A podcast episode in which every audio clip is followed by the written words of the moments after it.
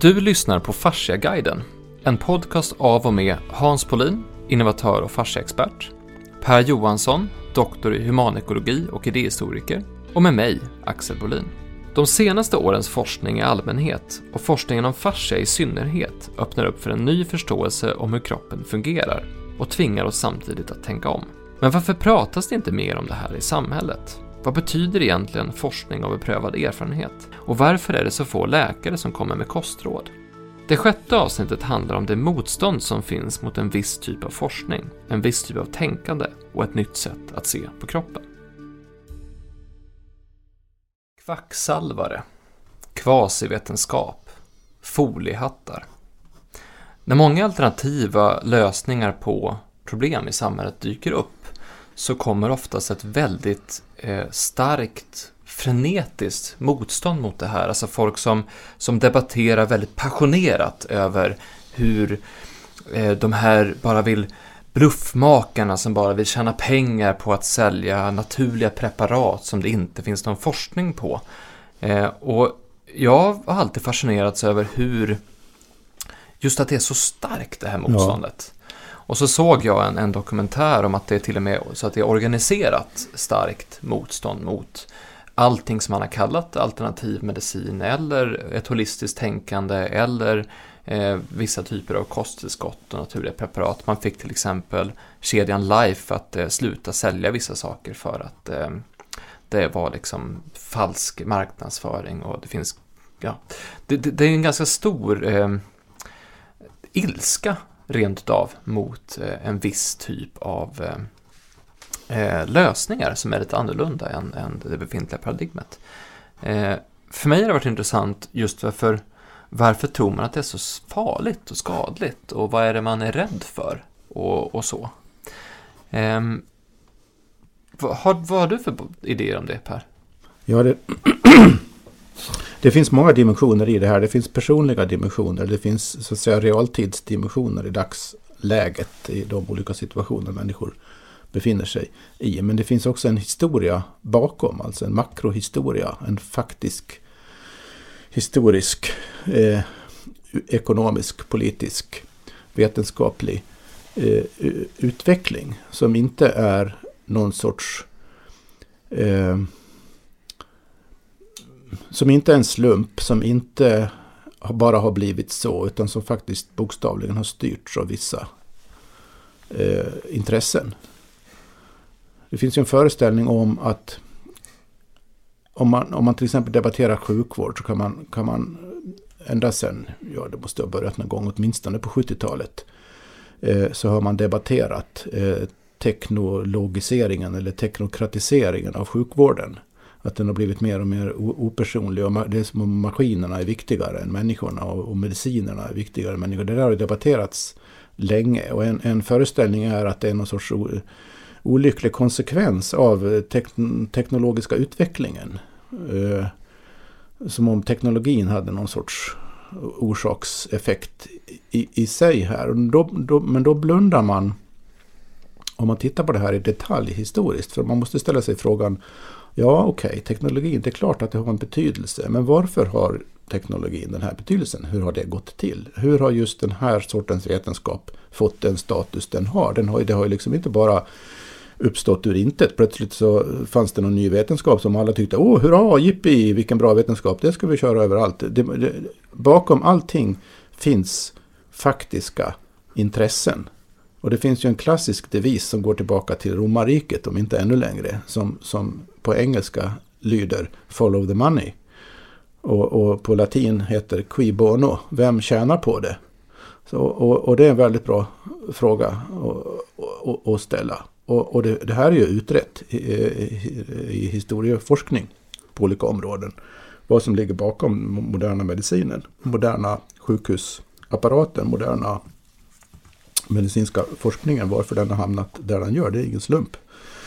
Eh, om man börjar gräva i det där så, så stöter man ganska tidigt på någonting som kallas The Flexner Report från början av 1900-talet. Eh, som beskylls för allt möjligt. Eh, eh, jag tänkte jag skulle säga någonting kort om den historiska bakgrunden till, till det. Eh, det är ju egentligen en komplex historia så att eh, det blir en, en, en snabb förenklad framställning.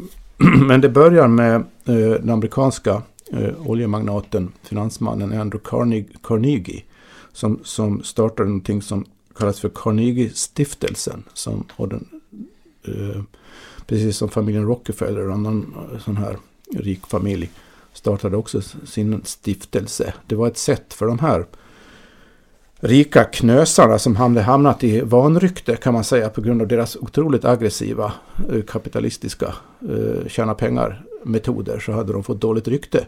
För att bättra på det här ryktet så startade de stiftelser som skulle vara för välgörande ändamål i princip, allmännyttiga ändamål. Eh, utifrån deras perspektiv då såklart. Inte nödvändigtvis bokstavligen för alla allmännyttiga ändamål, men från som de såg saker och ting. Och ett perspektiv som är gemensamt för de här stiftelserna historiskt och för de här personerna som ligger bakom, både på Carnegie-sidan och Rockefeller-sidan, är att de anser att de vet vad som är bäst för människor. Eh, så att det är en väldigt elitistisk eh, utgångspunkt här i hela ideologin. Men om jag drar bara kort eh, historien bakom Frexner Report. Så 1908 så utsåg, utsågs en person som heter Abraham Flexner till att inventera medicinska utbildningar i USA och Kanada. Flexner hade, var ingen medicinare själv utan han var pedagog. Han hade ingen medicinsk utbildning. Så han inventerade alla de här utbildningarna och konstaterade att, att det var en uppsjö av alla möjliga utbildningar och varierande kvalitet och grad och, och på alla möjliga premisser. Och det var, det var, det var allt från rent kvacksalveri till någon sorts eh, eh, begynnande modern medicinsk eh, vetenskap. Och, och, och rapporten kom i princip fram till Eh, en rad rekommendationer som gick ut på att man måste strama upp hela utbildningssystemet här när det gäller läkare. Och, och då ska man veta också att läkare på den här tiden, i början på 1900-talet, var ett lågstatusyrke. Tjänade inga mycket pengar och hade en låg social status. Så en, ett, en led i det här programmet var att öka läkarnas status. Utbildningsmässigt, ekonomiskt, eh, socialt. Och det eh, åstadkom man genom att eh, den här rapporten rekommenderade då eh, att man skulle grunda eh, all medicinsk utbildning på vetenskap och beprövad erfarenhet så som det vi uttrycker det fortfarande idag. Men det här, den här, och vetenskap då kom att betyda eh, den moder, det som hade vid det laget börjat etableras som den moderna naturvetenskapliga, i princip eh, materialistiska, biokemiska synen på saker och ting. Det, det, skulle man ha som kriterium på vad, för vad som var så att säga högstatus eh, vetenskap, utbildning. Till skillnad från alla det som idag kallas för alternativa eh, synsätt. Som florerade vilt då. Och mycket av det där var ju blaha. Så att det fanns det fanns ju en viss anledning till att strama upp det hela. Man ska inte idealisera utgångspunkten för mycket här samtidigt. Så det mm. finns en viss anledning att strama upp det hela. Men det intressanta är mm kriterierna för uppstramningen. Och vilka intressen som så att säga tjänade på just de kriterierna snarare än andra kriterier. Eh, ja, hur som helst så, så rekommendationerna eh, kom man då att eh, kom på att påverka lagstiftningen i Amerika. Och ledde till att eh, en massa medicinska utbildningar som hade funnits tidigare fick stänga helt enkelt. Och, och, och följden blev en radikal homogenisering av de kvarvarande utbildningarna på natur, strikt naturvetenskaplig grund. Så där börjar den medicinska, eh, moderna medicinska läkarvetenskapliga eh, sjukhusmedicinen liksom börjar med, med, med detta. Och eftersom de här personerna som låg bakom det här Eh, Carnegie och andra eh, hade så stort inflytande, inte bara ekonomiskt utan i och med det också politiskt. Så statliga myndigheterna tog så småningom det här på större och större allvar och, och, och det blev i princip olagligt att vara läkare. Om man inte, om man inte följde det här. Va? Eh, och en konsekvens blev, av det här systemet blev att det missgynnade systematiskt inte bara eh, socialt sett nu då, så missgynnades inte bara det vi kallar alternativmedicin utan också minoritetsgrupper av eh, alla möjliga slag. Människor med lägre social status, eh, studenter från lantliga delar av Amerika, eh, färgade och så vidare. Många kategorier missgynnades socialt av det här systemet, åtminstone till en början och i viss utsträckning fortfarande. Och inte minst såklart så missgynnades alla perspektiv som inte hade en strikt naturvetenskaplig grund. Med naturvetenskaper då så menar du egentligen alltså det är kemiskt, så att naturläkemedel försvann Ja, det är här de ekonomiska intressena kommer in i bilden också. För att eh, finansiärerna av det här och incitamenten från det här kom ju då från eh, Carnegie och Rockefeller bygger vidare på det här också sen. För att den här Flexner gick över till eh, Rockefeller-stiftelserna sen. Eh, eh, eh, de har ju skapat sin rikedom på olja. Och biokemi med andra ord. Och eh, vid den här tiden hade också läkemedel, den moderna läkemedelsutvecklingen uh, tagit sin början. Och väldigt många, det är inte så många som vet om det där tror jag. Att oerhört många av de läkemedel vi använder rutinmässigt, både själva och uh, inom sjukvården, uh, är faktiskt petroleumbaserade. Mm. De är olje, oljeprodukter. så läkemedelsindustrin är en del av oljeindustrin. Mm. Och, och, och det betyder ju att om man om man då har en vetenskap, läkarvetenskap eller medicinsk vetenskap som grundas främst på biokemi. Mm. Istället för på fysik eller ekologi eller någonting. Mm. Så, så kommer, kommer ju det att gynna ett visst perspektiv på vad, som, vad läkemedel är och kan vara.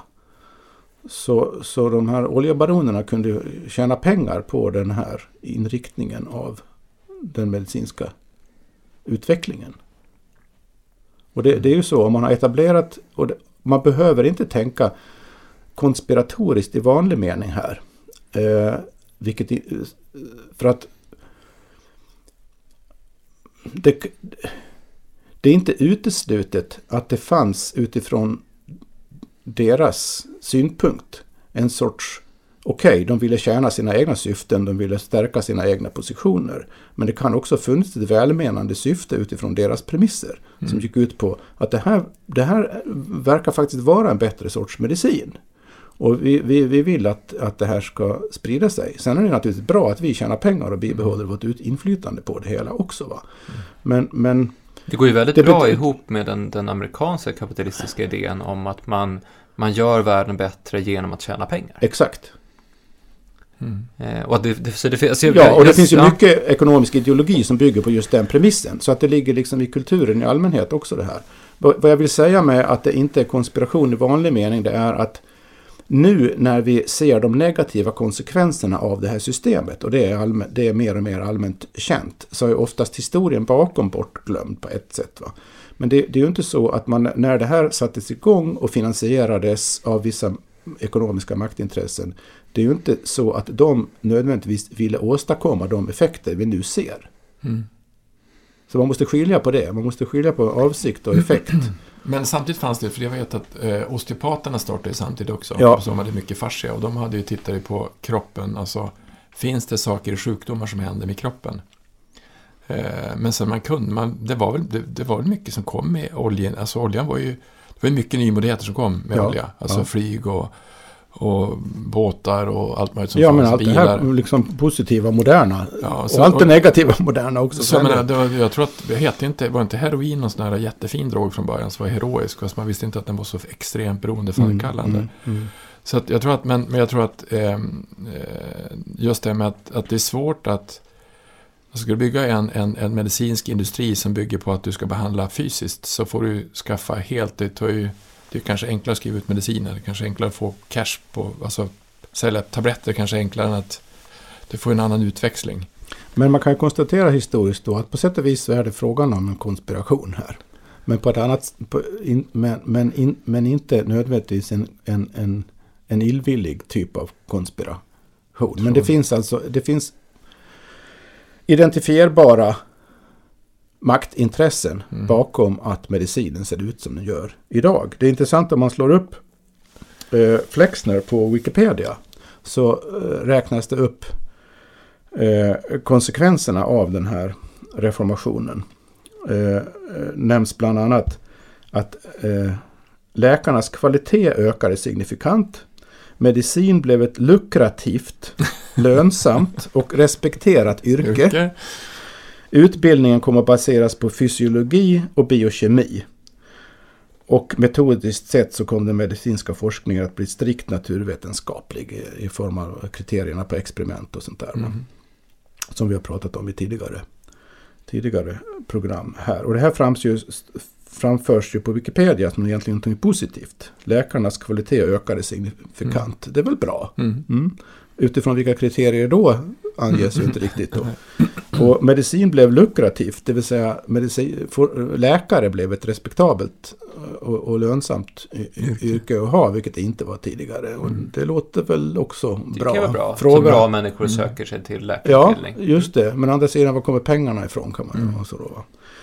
Eh, och det som kanske har varit de på ett sätt allvarligaste konsekvenserna i förhållande till det vi pratar om, det är att utbildningarna och forskningen kommer att baseras strikt egentligen bara på fysiologi och biokemi. Mm. Och att man faktiskt har glömt bort sådana saker som också är naturvetenskapliga, som basal fysik. Mm. Och det är här jag tror det blir intressant. För, jag- för att, ja. vad jag skulle säga då, det här, eh, lägga till, vi kan återvända till det temat va, men det är att, jag sa innan, man måste ställa frågan, vem tjänar på det? Mm.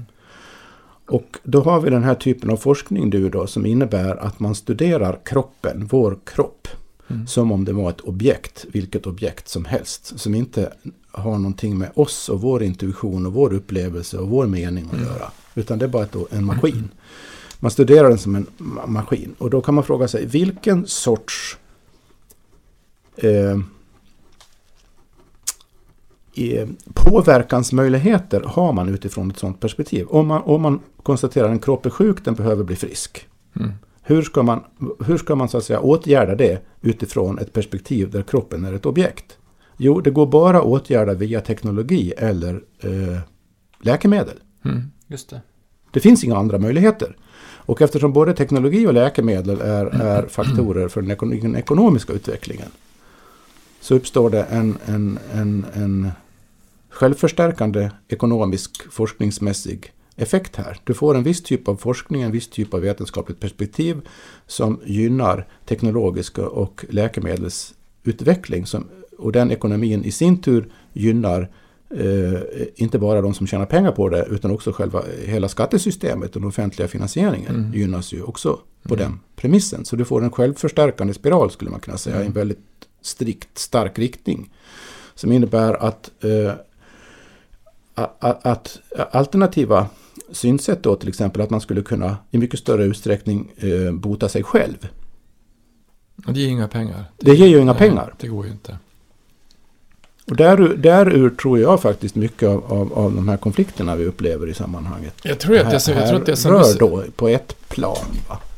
Och jag vill också säga att det här, den här kritiken eh, mot det medicinska etablissemanget, om man kallar det för det, som ju inte bara har en massa nackdelar med sig, utan också vissa fördelar. Men, men nackdelarna börjar bli påtagliga i hur sjukvården fungerar och huruvida människor blir friska eller inte. Det finns ju massor av studier på att, få- inte minst från Amerika, eh, på hur folk, ju mer kontakt med sjukvården folk har, desto sjukare blir de. Eh, och det här med Flexner Report och eh, Carnegie och Rockefeller eh,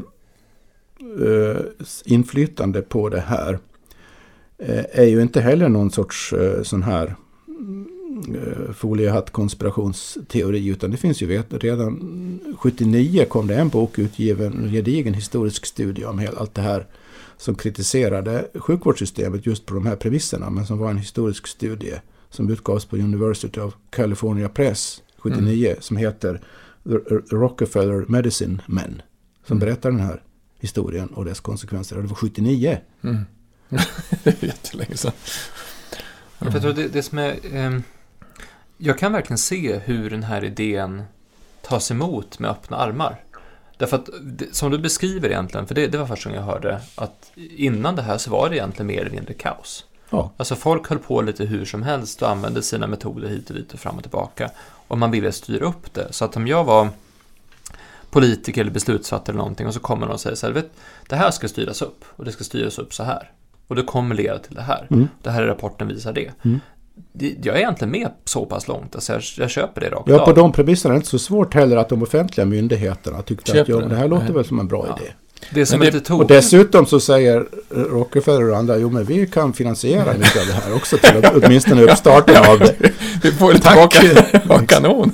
För det som är lite tokigt bara, det är att Eh, det sista du sa, i att man samtidigt också säger att det ska vara strikt biokemiskt. För det som händer då är ju att, eh, det här berättade du för mig tidigare Hans, att, att på bara fem år så la nästan allting ner som inte var, alla skolor som fanns som hade en annan lära lades ner. Det som är intressant med eh, biokemiska läkemedel jämfört med naturliga läkemedel som, alltså förr i tiden, det här är så folk får att tänka sig idag, Mm, mm. men förr gick man ut i naturen och tog de växter som var bra för att eh, läka vissa saker. Det finns, jag har en bok hemma som heter Örtagubben som pratar om att ja, men lingon är bra för det här och blåbär är bra för det där och har du det så kan du koka granris och så tillsätter du lite tallolja och så sen så blir det bra och sådär. Och äpple, det var, jag, jag var hos min mormor och då på hennes eh, eh, framme på hennes badrum så, så, fanns det en liten sån här bok om eh, eh, äppelcidervinäger. Mm. Så, och då var det också utgiven 1908, 1910 och sånt där. Och så handlar det om hur äppelcidervinäger i massa olika former kunde vara superbra mot jättemycket och så var det en förklaring varför det var så och sådär. Så, men den, om du ska ha en, en rent strikt biokemisk eh, skolning så försvinner ju allt det här. Ja. Så både naturliga läkemedel, också som du sa Hans, osteopatin eller manuella behandlingsformer, de, de spolas ju bort. Och den konsekvensen, eh, den måste de bara strunta till varna för. När de tog fram den här typen av... Jag frågar nu om man egentligen eh, tänkte på en sån konsekvens. Jag tror det, det, fanns ju då och har bibehållits och förstärkts tack vare den här utvecklingen. Det fanns ju redan från början här en extrem övertro på ett visst perspektiv. Mm. Jag tycker det som är Som, som är en faktor i sammanhanget här, här då också förutom. Men jag tror ändå i slutändan det avgörande är faktiskt det här krassa. Att det går att tjäna pengar på biokemisk det, Det medicin. du egentligen gör, du säger så att om du ska bli läkare måste du gå den här utbildningen. Går den här utbildningen kommer du tjäna pengar och du får skriva ut recept. Det är det vi håller på med. ja. Och sen vet jag att, jag vet att, det- jag tror att när man, för att, om det kanske först var baserat, men jag vet att det finns en forskare, han var faktiskt mörkhyad, som eh, var den första som, som kom fram hur man kunde göra kemiska eh, opiater. För det kunde, man hade opium, vad, vad odlade man förut, sen gjorde man kemiska, man kunde göra kem, man Mm, lyckas mm. ta den här, Mm. egentligen så tittar du på all- nästan, nästan allting som vi har är växtbaserat. Och det finns, det finns ju eteriska oljor som egentligen det man gjorde som var väldigt bra för att bota saker och ting som finns. Och det är egentligen att du tar det som finns i någon typ av växt och så kokar du den och så får du bara klart det som är själva molekylen. Men det, den kemiska molekylen är inte, and, den är inte riktigt, riktigt likadan som laddningen på den naturliga molekylen, vilket är lite intressant. Men jag tror att det som, är, det som jag tycker utifrån det här, det är att om, om vi säger att vi, vi, vi gör ett sånt tänkande som du säger, som vi slår ner nu, och det är vi rent krasst bara sagt att du säger att vi är ett objekt och vi behandlas bara med kemi. Var det det som gjorde att du, för om du tittar på genetik då, så sa man att då var vi, om du det du började med egentligen, att du tittar på, på han som sa de, de, de här selfish gene. Det är ju Mm. det är ju en, det är ju en, det är ju en, Richard Dawkins. Ja, det är ju, det är ju, det är ju att då drar ju allting ännu längre. Du går egentligen från att objektifiera dig själv som människa till bara en gen. Ja. Det är Ja. helt sjukt. Alltså det är det är alltså det är helt... Men det är lite samma premiss där. För man, man, man har ju egentligen ett biokemiskt perspektiv på DNA då. Man, Ja. går, man går bara djupare in i det hela och börjar tala, tänka på det. Inte, eller också som eh, att man eh, rent tekniskt kemiskt kan ingripa i själva informationsbehandlingen. Så som man tänker sig att informationsbehandlingen i kroppen går till. Men i grund och botten är det ju ett väldigt enkelriktat eh, kausalt eh, materialistiskt perspektiv Mm. här som bortser från en massa faktorer. Mm. Men hur, vad, Och överhuvudtaget, in, alltså, det, det är samma sak med gen. Man pratar om vad har, vad har de så att säga främsta vetenskap, samhälleliga tillämpningarna av kunskaperna om gener hittills varit? Jo, det är genteknologi. mm. Så återigen alltså en tekniska apparater och ekonomiska aktiviteter som går ut på att objektivt manipulera de här Mm. materiella beståndsdelarna. Mm. Inte att förstå deras roll i helheten nej. eller huruvida vi skulle kunna påverka dem själva på något Mm. sätt som inte är objektivt manipulerande och tekno, teknologiskt utvecklingsbart. Utan eh, insiktsmässigt utvecklingsbart av oss själva skulle det ju kunna vara. Men då, Mm. den sort, hela, hela, så fort man ens, ens tar två steg i den riktningen så, blir, så, så kategoriseras det ju i termer av det du sa först, Axel. Foliehatt, flum, Alltså, allt ja. möjligt. Det, är, så- det, det, är som, alltså, det är som Heik- Heike Jäger säger, hon, säger att- hon säger att vi måste tänka om, det är ett nytt paradigm jobba på ett. Det som Ja. jag är inte förvånad över, vi var ju till Tyskland nu för en vecka sedan. Där är man öppen på ett annat sätt. Eh, eh, men i Sverige är vi som, där är det som bara en lina, alltså det är bara ett sätt att göra som finns. Och det, det finns ingen förklaring som har med, med, med helhet att göra, eller kroppen att göra, känslor, utan det allting är uppdelat. Och varför har det blivit så starkt? Det, kan, det är första frågan. Den andra frågan som är ganska, eller som, som, är, som är en sak, det är att mor, din morfar, han hade ju en sned, han hade olika långa ben. Alltså han hade en sned höft. Mm. Och så hade han en sned höft. Han var lite sned. Han satt på tre år på vanföreställningsanstalt. På 60-talet. Vanföra menar du? Vanföringsanstalt. Ja. I, alltså han fick åka iväg och ligga i sträckbänken och sådär. Det var på 50... Alltså, det, är, det är nästan som, men hur, hur, hur, Ja, kan man, hur ja. kan man, hur kan man, hur kan det gått så långt? Att, att man ser på folk som att de är, vad heter det, van... Vanföra. vanföringsanstalt. Så att han, han var satt som någon som var fel på. Just. Och han var tio år och så där. Fick vara borta Ja. i två, två Ja. tre år ifrån sin mamma och pappa. För att han hade en, var Ja, låg. ja, men det är som en bil med sned kaross. Du får Ja, men det- skicka alltså, till verkstad. Jag tittade, jag trodde det var ju kanske, det kanske inte något som händer. Men för tio och åtta år sedan så kom det in en kille som var 18 år gammal. Som hade ett snett bäcken och de hade opererat hans ben, förkortat hans ben. Mm. Alltså de har gått och opererat hans, alltså istället, han var så, men, men det är olika lång. Men du kan ju ändra strukturen på karossen. Men eftersom man inte gör någonting, man gör inget fysiskt i, i en vård som vi har nu, utan man gör medicinskt eller opera, operativt. Ja. I, i, I USA har man ju, där är kiropraktor ett yrke.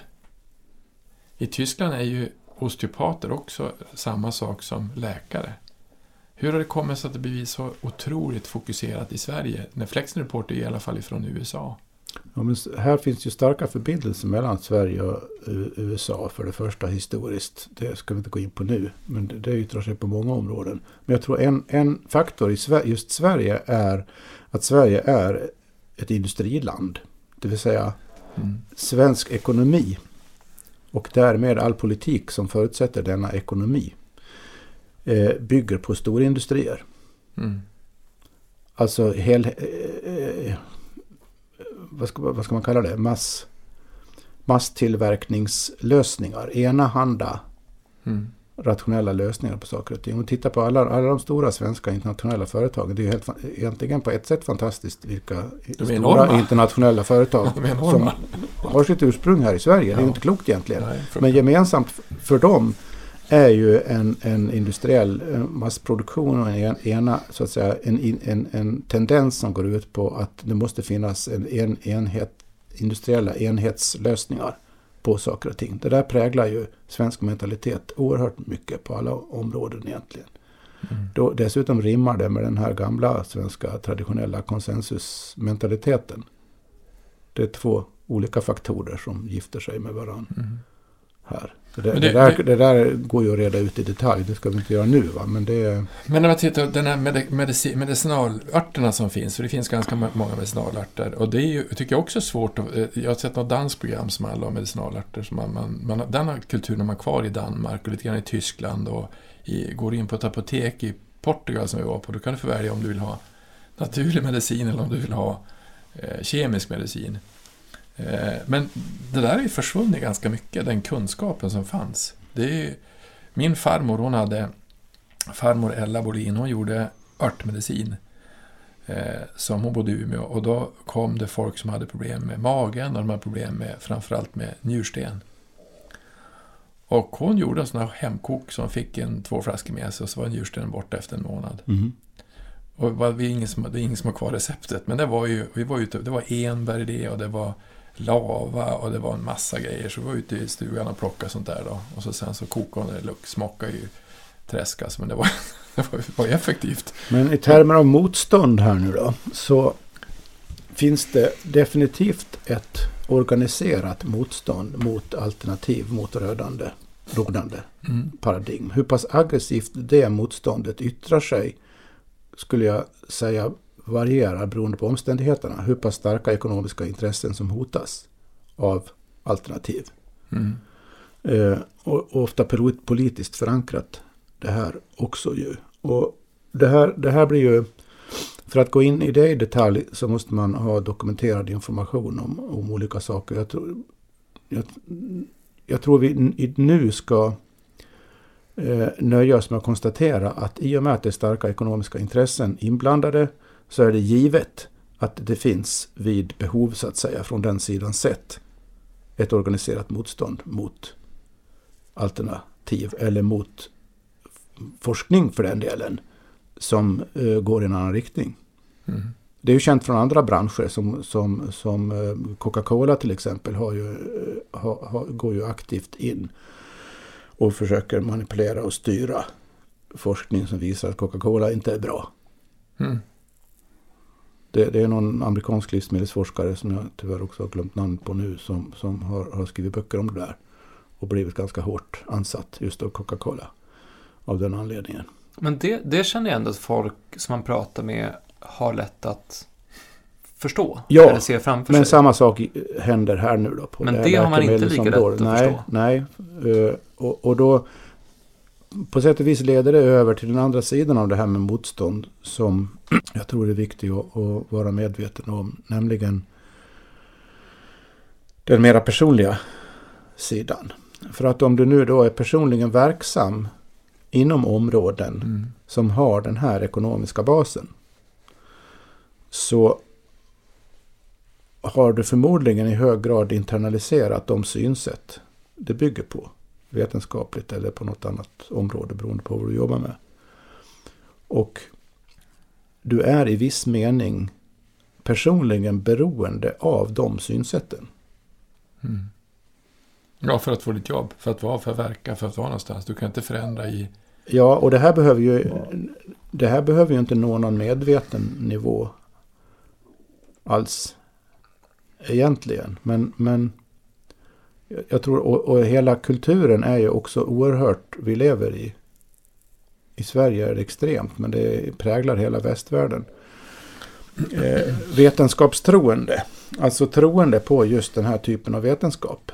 Mm. Det, forskare inom, som, som är inom de områdena, allt från hjärnforskning till genforskning eller vad det nu är för någonting, biomedicin, eh, har väldigt hög status. Inte Mm. bara då som, som forskare så att säga i sin värld, utan socialt. Så du menar när Luc Montagnier som vann Nobelpristaget i HIV, när han visar att vatten har minne och gör samma experiment som eh, Bevenis gjorde på 80-talet, då har han egentligen gått emot och han hängt ut sig ganska mycket. Ja, Då Ja. Nobelpristaget Ja. visar att vatten har Ja. minne och visar att forskning fungerar, Ja. då är han ute på väldigt, väldigt ute och kör och som, som, som, som medlem i, i det här akademiska systemet, det här vet ju jag som själv har, har har varit på universitetet och forskat, jag, jag har ju känt av hur det, hur, det här, hur det här fungerar. Inte bara inom medicin då, utan egentligen inom, inom alla forskningsområden på ett eller annat sätt. Att eh, det, finns, det finns ett spektrum av man skulle kunna kalla det tillåten spekulation. Om man, om man, och det är inte så att det finns någon lag som säger vad som är otillåtet. Utan det är otroligt intuitivt. Så att man, man, folk känner bara helt enkelt av när någonting liksom går lite för långt. Mm.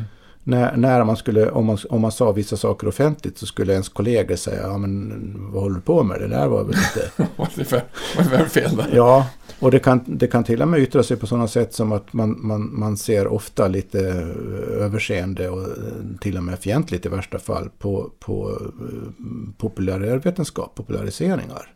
För, att det, det, det, för det har ingen akademisk status att eh, förmedla saker enkelt till folk. Mm. Det, det vinner man inga akademiska poäng på. Det är massa sådana faktorer som, som skapar hos den som är inne i systemet utan att man egentligen behöver gå och tänka på det överhuvudtaget själv.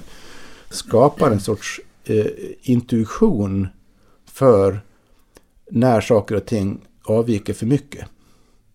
Så du menar som forskare är inte, det, ska, det är inte bra att det förklaras utan det ska gärna vara lite svårt? Eller?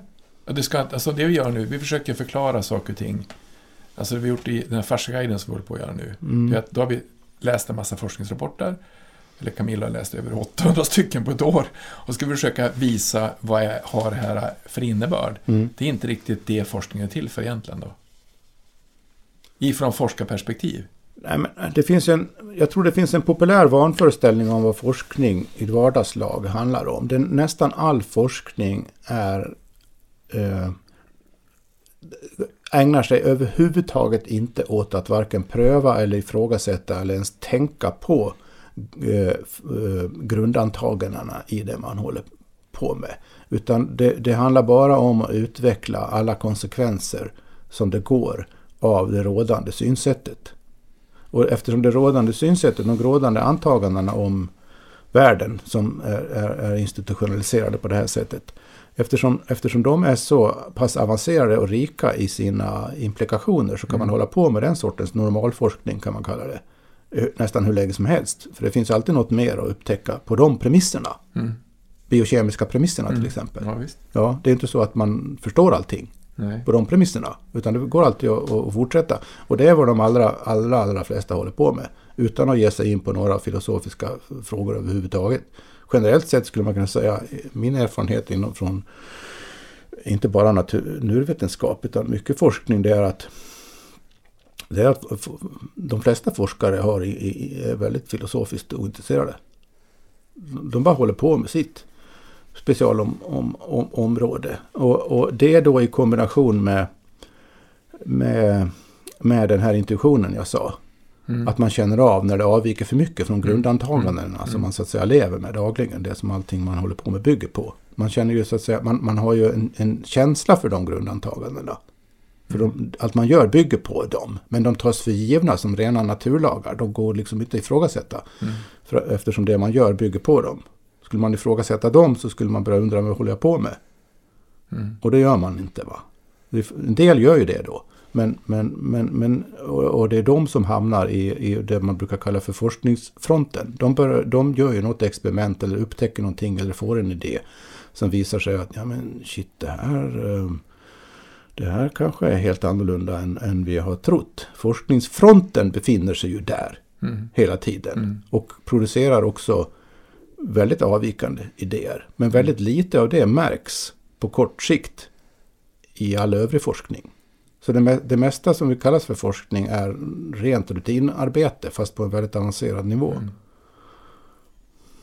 Men då blir det, om du säger så att om egentligen hela forskningen, alltså medicinsk forskning, är grundad på, att, på egentligen biokemi. Då är kemi det som är intressant, inte fysik, inte magnetfält, inte vatten, inte Ja, sol. här kommer ju specialiseringen mellan olika ämnen in då. Va? Att, Mm. att, att av de här ekonomiska orsakerna som bara har nämnt här nu Ja. egentligen. Så, så finns det större ekonomiska utvecklingsmöjligheter i relation till biokemi till exempel. Mm. Än till magnetfält eller ljus eller vad det nu är. ja, precis. Mm. Men det är också därför det är så svårt att ta in ny information i befintliga miljöer. För jag- jag har ett exempel som, jag träffade en läkarstudent och så sen så eh, pratade vi lite grann och eftersom vi är väldigt intresserade av kost, eh, för vi är väldigt intresserade av kroppen, så har vi tagit del av ganska mycket, eh, både forskning och populärvetenskap om hur kroppen påverkas av kost.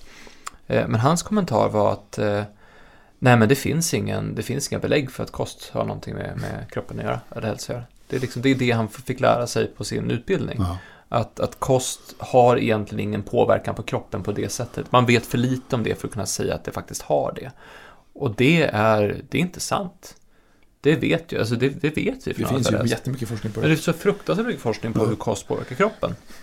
Och det är nästan allmängiltigt sant också tycker jag idag med det hälsoparadigm som Mm, finns, att man mm. pratar om det på det sättet. Men då lär han sig alltså på läkarutbildningen, det var år två eller år tre som man var inne i, att kost inte har en påverkan på kroppen. Kost har inget samband mellan sjukdom och kost har inget samband mellan, mellan välmående.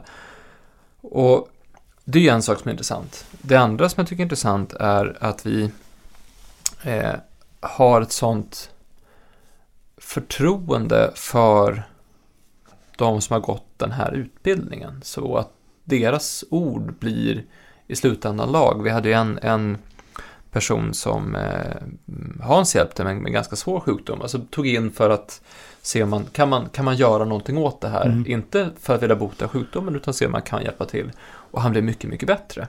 Han kunde gå, han hade en fot som inte kunde funka. Mm. Och så rättade vi upp, tog bort trycket som fanns i kroppen och gjorde han rak. Det var ingen som kollat hur han sett ut. Och efter en här timme så funkar hans fot. Så han kunde gå för första gången på Han fem hade år. MS. Så han Ja. hade fått någon sån droppfot som inte hade kunnat gå på fem Mm. år. Och vart, genom att göra det här så kunde han gå på 40 minuter.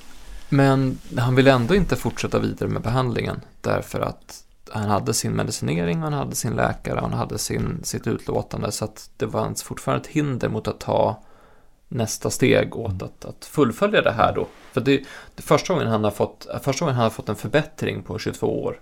Första gången han kunnat gå på fem år. Men ändå så vill han fortsätta med den gamla, Ja.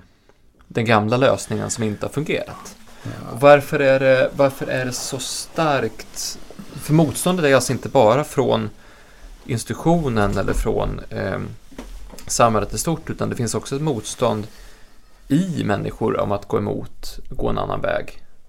Ja, Ja. visst. Det, det är ganska lätt att själv föreställa sig det där också om man får någon medicinsk diagnos av nå- ett eller annat avseende. Och det finns en hel vetenskap och en hel sjukvårdsapparat som, som eh, har skapats för att ta hand om de symptomen på ett visst sätt.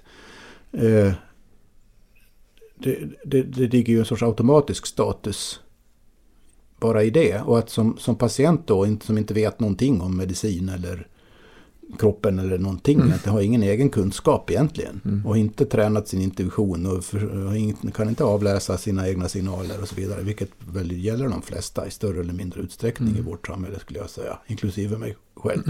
Eh, så, så, så vad, vad ska man sätta emot liksom?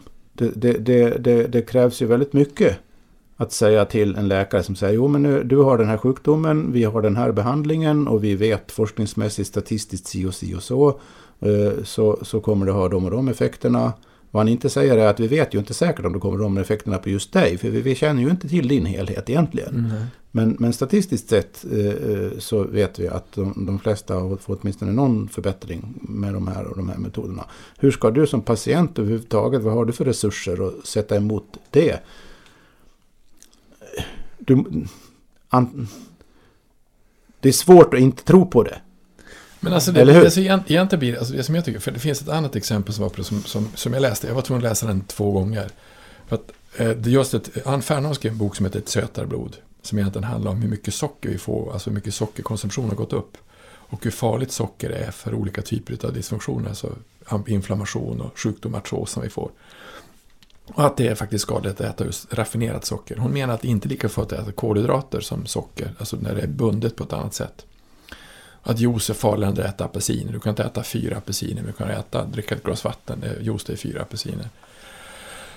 Och, eh, och i alla fall så var det, då, då, i, i den här boken så skrev hon också vad som händer med för mycket socker så får man någonting som händer i Västland. Man karamelliserar sockret i blodet, alltså i, nej, inte i blodet, i eh, vävnaden. Så Mm. fascian börjar ta, alltså kroppen får för mycket socker så den bara lägger ut det någonstans för det är för mycket, den klarar inte av att förbränna det. Och då är i den så, sen så, så, så, så pratar de med ett av de bästa sjukhusen i USA på cancer och de säger att för att vi ska få våra, eh, för det är ju försäkringsbolag inne där för att få dem att överleva bästa behandling så, så, så ska man ha en kost utan socker. Och så sen så gick hon då för att berätta det här som den här, jag vet inte vad de hette, det här institutet som var. Och så gick hon på Karolinska och skulle prata med en diet- dietist och en läkare om det. Och hon fick sånt kapitalt motstånd, det är inte sant. Så hon var tvungen att ringa upp honom igen. Är det sant så hörde jag fel. För att hon, hon fick sånt motstånd så att hon var tvungen att backa. Och gå tillbaka och ringa till USA igen. Sa ni att ni inte, ni sa att ni, ja men det är klart att det enda cancerceller lever av det är socker. De klarar inte av att göra något annat. De klarar inte av att ombilda, eh, göra energi utav protein. Det går inte. För de måste ha ren socker. Det är, det, det, är för mycket söt. Så att egentligen ett sötare blod, det är, får det för mycket socker så kommer det till slut att, att bilda cancer. Vad var hon sa. Och, och, och, det var, fast hon hade det, hon visade det, det var kapitalt motstånd. Alltså det var jättestarkt. Och, och det, måste, det är nästan religiöst, det är nästan fanatiskt. Alltså det, det är nästan så att man inte kan ta åt sig saker och ting. Det blir som att det blir nästan en tro. Eller, Även vad gäller socker finns ju en väldigt stark industri. finns stark, stark industri bara, ja, follow the money. Precis. Det jag tycker är intressant med, med de argument, jag börjar med att prata om det här med eh, de här orden som kastas efter så. Men det man ofta pratar om är ju att eh, man vill lura folk på pengar. Det finns ingen forskning som bevisar det. Man säger också att det, är, det kan vara skadligt. Och då till exempel pratar man då om vissa naturläkemedel, att man inte får påstå vissa saker om sådär. Eller, mm. eh, oavsett vad man, vad man tycker och tänker om det. Men, men, men det, är, det är intressant att argumenten som de använder är precis det man gör från det institutionella Exakt hållet. de argumenten är ju mycket giltigare på ofta den andra. i förhållande Om du vänder till... på dem, ja. ja. Ja, Därför det som man inte pratar om med, med medicinering som jag tycker är intressant, som vi har tagit upp lite grann på senaste tiden. För vi, när vi, vi måste ju vi måste ju när vi har en maskin som vi använder så säga vad man får och inte får göra med maskinen, Mm. givet. Ja. Så vi måste säga att du får inte använda den på det här och det här Mm, sättet. mm. Och då kallas, det finns något som heter kontraindikationer, som man, som man säger då. Eh, men nu har vi samlat in så mycket, läst så mycket, gjort så mycket, sett så mycket case att vi har döpt om kontraindikationer till när du bör vara försiktig. Just. Därför att det finns inga, vi har inte sett någonting som den här behandlingen som vi gör kan göra skada med. Däremot så en sak vi alltid tar upp är att det är jätteviktigt att fråga den du behandlar vad de har för medicinering.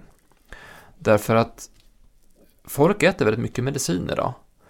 Men man funderar oftast inte på biverkningar. För att alltså med varje medicin du köper så finns det ju en bipacksedel med alla biverkningar. Biverkningar är ett intressant begrepp överhuvudtaget. För egentligen är allting verkningar. Det är bara det att man, man fokuserar på vissa önskade verkningar och så Ja. kallar man det medicinens effekter. ja. Och alla andra verkningar som medicinen har, det kallar man biverkningar. Och det där är bara en rent intellektuell konstruktion egentligen. Så att det, det, det, är därför man har läkemedelsprövning. Så att om, om vissa verkningar dominerar över andra verkningar, då kan det bli godkänt.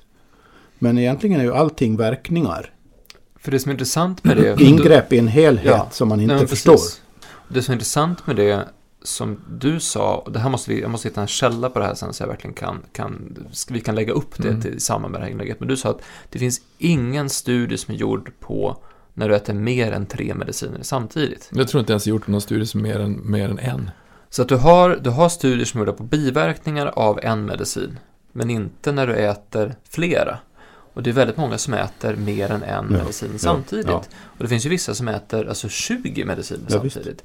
Och det är intressant att det är man inte orolig för eller pratar om eller tar upp som en konsekvens. För att även den här biokemiska industrin borde ju vara orolig för att folk blir sjukare av medicinen ifall vissa biverkningar går mot varandra och så vidare. Jag, tror inte med det.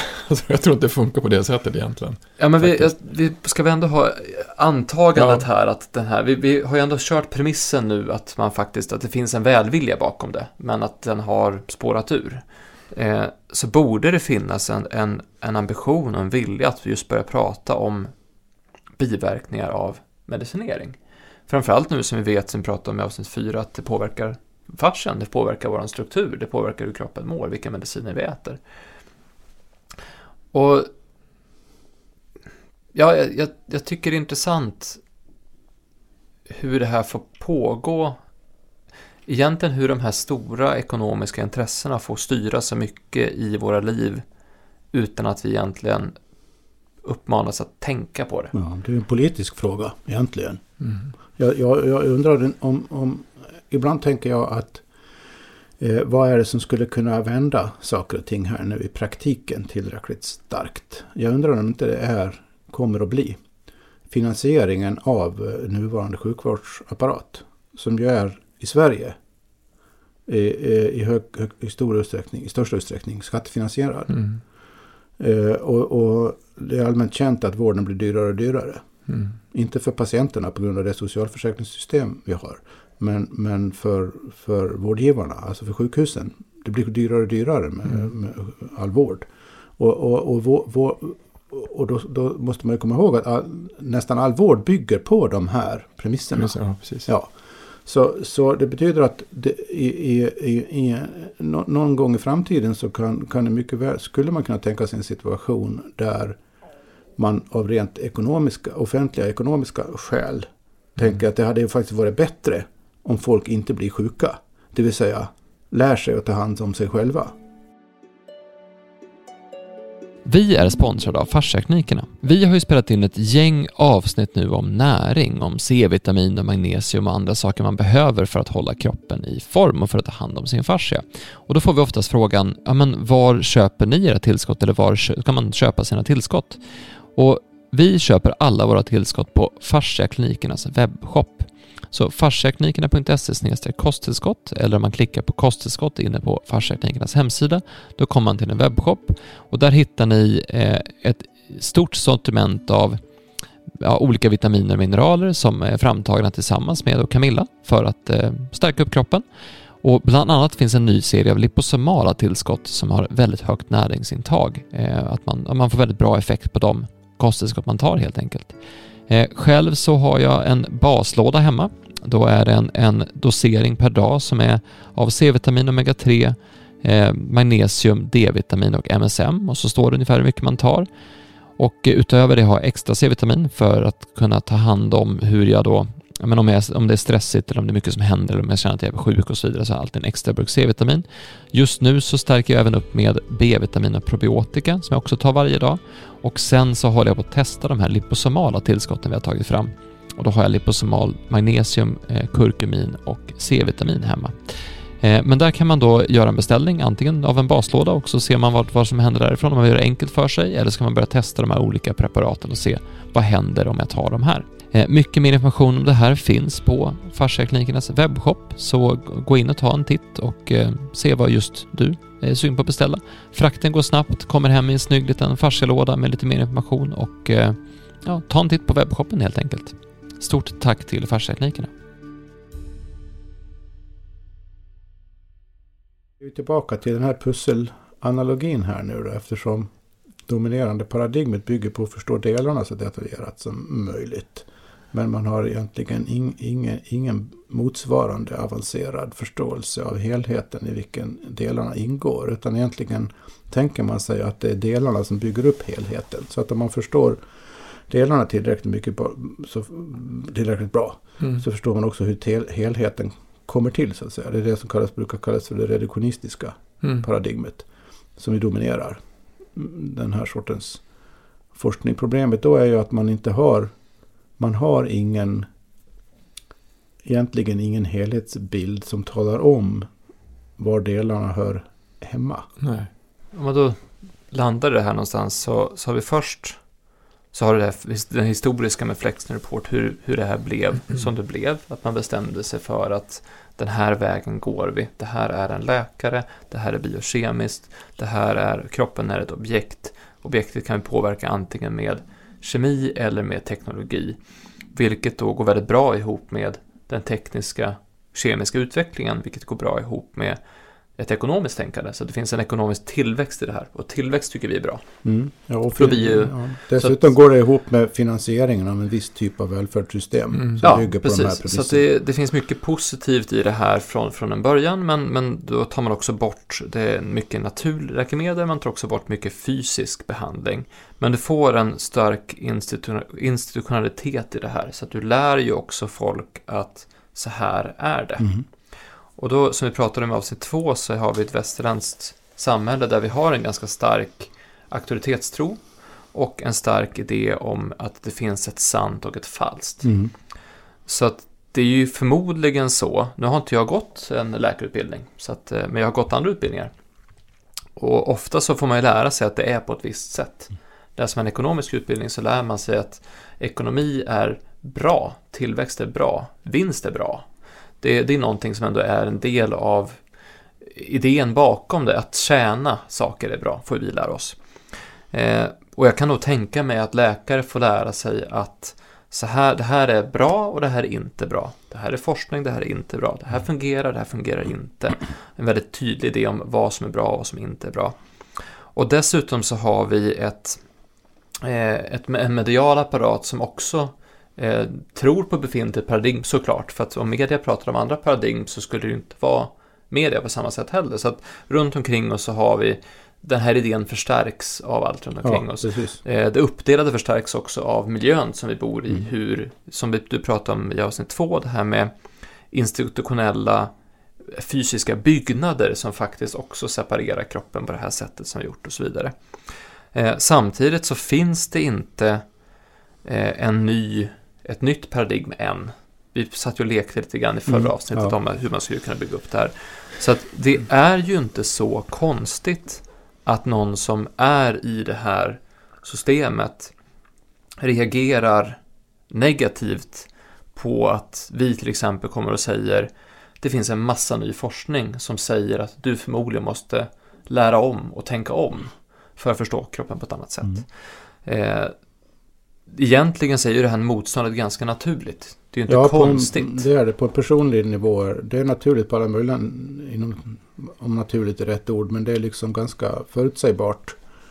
Både på personlig nivå, institutionell nivå och politisk nivå. För att alla, all, alla radikala förändringar av någonting, och det kan man ju bara tänka på det personliga planet för att förstå det, att all, all, all förändring som en, på, i djupare mening har en kostnad i förhållande till, till hur det har varit hittills.